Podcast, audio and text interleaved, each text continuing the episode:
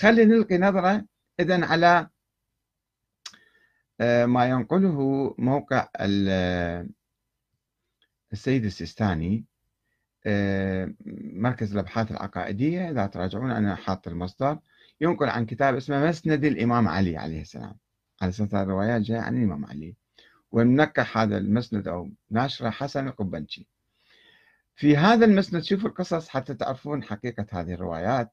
وشلون روايات جاية؟ عن الأئمة أو روايات أسطورية ما يحتاج واحد. يعني تقروها حتى الشيخ الشيخ شهيد العتابي اللي دائما هو يقرأ كل شيء يعني بالفقه وهذا عندما يمر على الروايات يستحي يذكرها. يقول لا لا هذه الروايات مو صحيحة الناس يضحكون عليها وكذا.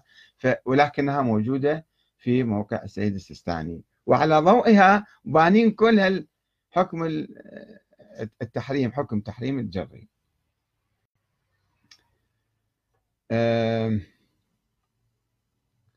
نعم.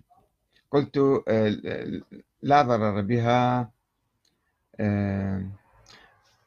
الرواية 5668 على واحد. الحافظ البرسي. عن الأسبق من النباتة. شوفوا شلون نقل.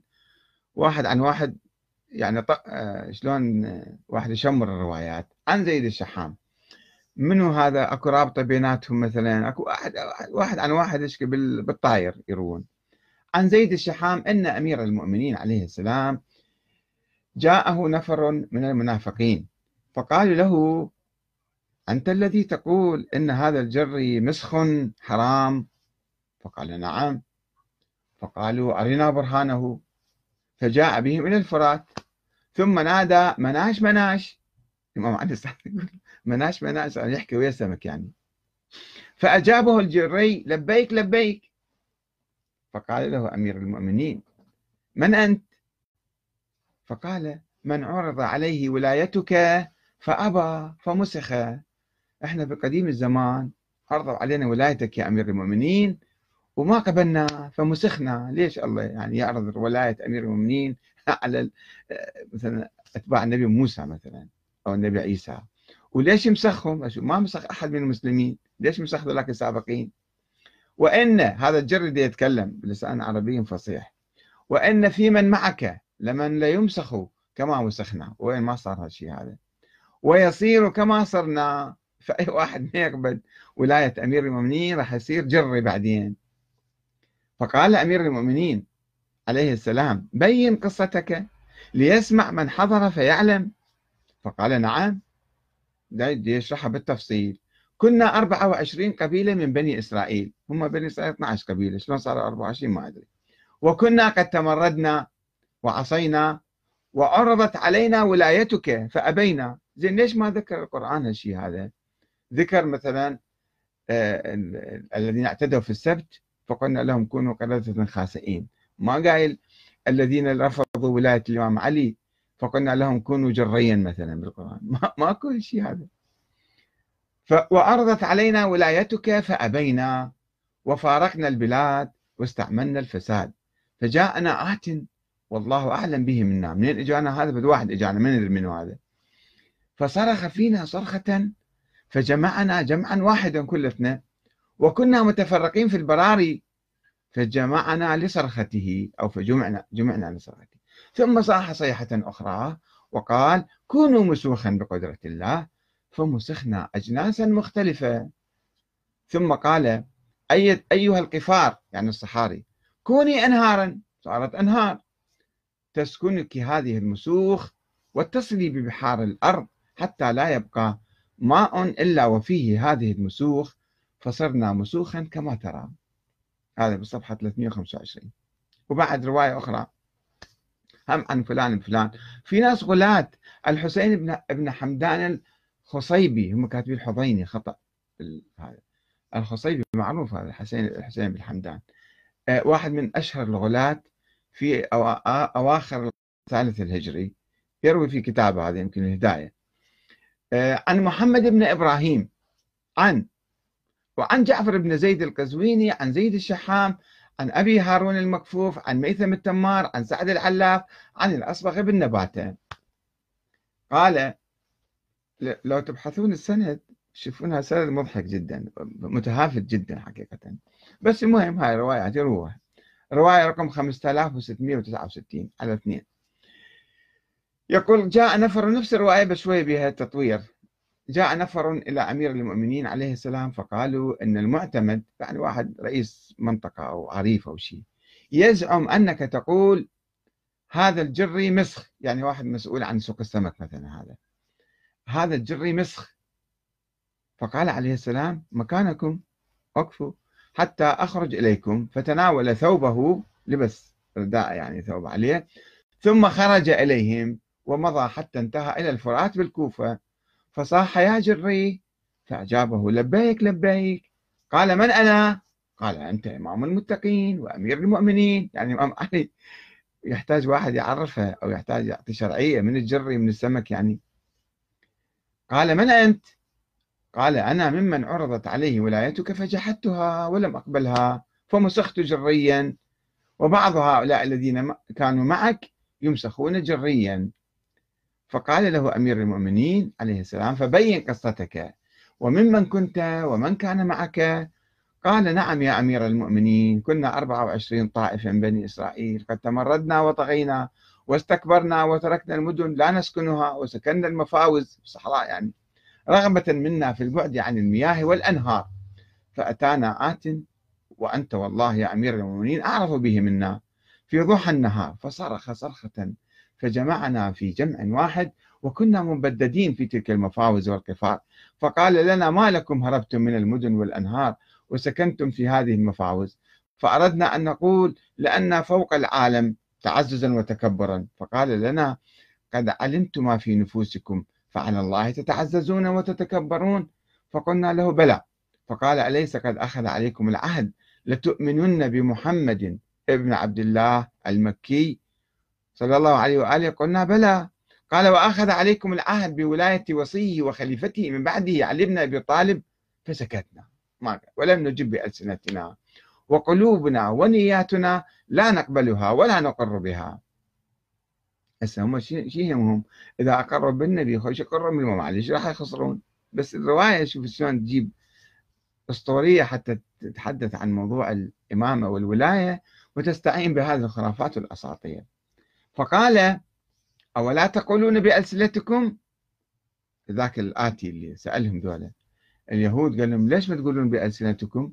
فقلناها بأجمعنا بألسنتنا وقلوبنا ونياتنا لا نقبلها هذول كانوا يعني قالوا على الأقل بلسانهم مع ذلك قلوبهم منافقين صاروا. الله ما يحاسبهم يعني. لا. فصاح بنا صيحة وقال لنا كونوا بإذن الله مسوخا. كل طائفة جنسا. مو بس جنس واحد مو بس جري خمسين شي صاروا. ويا أيتها القفار كوني بإذن الله أنهارا. وتسكنك هذه المسوخ وتتصلي ببحار الدنيا وأنهارها. حتى لا يكون ماء إلا كانوا فيه. حتى لو بالصين هم راحوا ماكو بالصين من هذول وباليابان. فمسخنا ونحن أربعة وعشرون جنسا. فصاحت اثنا عشر طائفة منا. أيها المقتدر علينا بقدرة الله تعالى عليك إلا ما أعفيتنا من الماء وجعلتنا على ظهر الأرض. كيف شئت؟ قال قد فعلت. دول صاروا مسوخ لي فوق الأرض.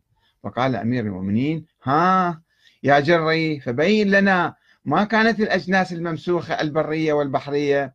فقال أما البحرية فنحن الجري والسلاحف والمرماهي والزمار والسراطين والدلافين وكلاب الماء والضفادع وبنات الأقرص. والفرمان والكوسج والتمساح هذا كلهم مسوخ. المسخة لأنه ما بقلبهم ما والوا أمير المؤمنين. فقال أمير المؤمنين عليه السلام ها والبرية ما هي؟ قال نعم يا أمير المؤمنين هي الوزغ والخفاش والكلب والدب والقرد والخنازير والضب والحرباء والورل والخنافس والأرانب والضبع. يصفطون حق يعني مثل ما يبدون. ثم قال أمير المؤمنين عليه السلام فما فيكم من خلق الإنسانية وطبائعها؟ قال الجري أفواهنا حلوقنا مثل الناس عندنا أسنان وعندنا فم عريض والبعض لكل صورة آه، خلق وكلنا وكلنا تحيض مثل الإناث. قال أمير المؤمنين صدقت أيها الجري وحفظت ما كان قال الجري يا أمير المؤمنين. هسه من هذا الجري هو نفسه كان ممسوخ من مئات السنين لو أنه من أولاد ذلك المسخ. يا أمير المؤمنين هل من توبة؟ فقال أمير المؤمنين عليه السلام للأجل المعلوم وهو يوم القيامة والله خير حافظ وهو أرحم الراحمين. قال الأصبغ بن نباتة فسمعنا والله ما قال ذلك الجري ووعيناه وكتبناه وعرضناه على أمير المؤمنين عليه السلام. ونفس الشيء يجيب أحاديث أخرى من هذا الأحاديث الخرافية الأسطورية آه، آه، عن كتاب الهداية لهذا الخصيبي. و يعني شوفوا إحنا تركنا القرآن الكريم وتركنا السنة النبوية وتركنا أحاديث أهل البيت الصحيحة المعقولة المحترمة وثبتنا بالأحاديث اللي ضحك الناس علينا. وهذا الآن موقع السيد السيستاني راجعوه أنا حاط المصدر وحاط هذا كله في صفحتي على الفيسبوك وما ما أعرف يعني يقولون إحنا مجتهدين وإحنا مراجع وإحنا علماء. إذا ما تحققون بالروايات إذا روايات مضحكة وسخيفة وتعبة وليش تحطوها وتنشروها؟ تحطون عليها فلوس تصرفون من أموال الخمس والزكاة تجيكم تدعمون هالمواقع هذول شنو؟ ما والوا أمير المؤمنين فصاروا مسوخ وصار الجري وبالتالي هذا الجري أكو روايات أخرى انه يجي الإمام يشرب قام يحرك ذيله. وخبط الماء سوى الماء خابط فالإمام لعنه قال له هذا كذا. يعني العقلية مالتنا لازم تتغير. ما أدري ذول الجماعة وين عايشين حتى الآن؟ أكو قضايا علمية روح شوية عرضوا فتاواكم على العلم. أعرض فتاواكم على القرآن أول شيء وعلى السنة النبوية. وإذا ما تردون القرآن والسنة النبوية اعرضوها على العلم اعرضوها على الأشياء المعقولة وادرسوا تاريخ الكائنات البحرية كلها مسوخ يعني ما لها فائدة ما لها دور. الله ما خلقها من قديم الزمان مثلا.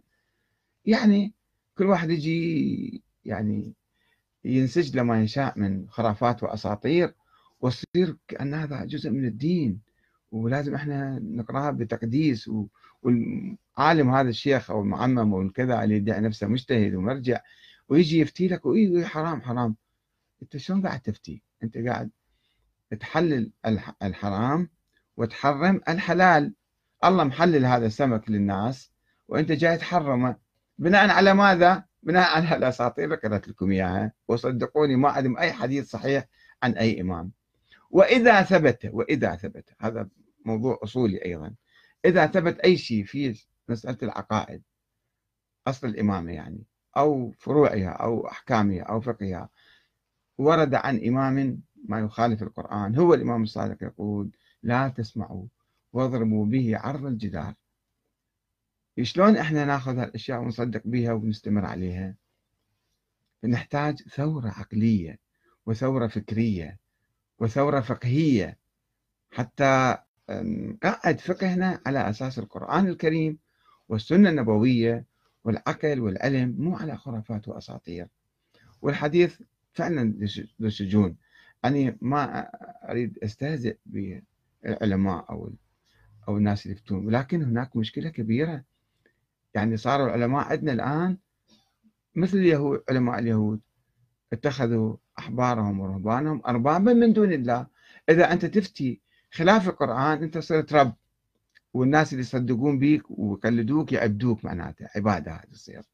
فنعوذ بالله من عبادة أحد ولذلك نرفض التقليد دائما أنا أكد أن التقليد الأعمى حرام. بدعة وتخلف وانحطاط وانحراف عن الدين. التقليد يؤدي بنا التقليد الأعمى يؤدي بنا إلى الانحراف عن الدين. نحن نحتاج أي إنسان عادي أي إنسان عادي يستمع لي الآن خلي يفكر في كلامي شوف كلامي صحيح ولا لا. وهو يعني يمكن يستشير العلماء يروح يسأل عالم يقول أنت هاي الفتوى مالتك على شنو بانيها؟ على آية قرآنية على حديث على شنو؟ وإذا شافه يتلبك ويرتبك أو يجيب لك خرافات وأساطير قل له يا عمي هذا ما يصير حرام تفتي شكل أنت شلون مسوي نفسك؟ مرجع وقاعد تفتي خلافا حكم الله تعالى. والسلام عليكم ورحمة الله وبركاته.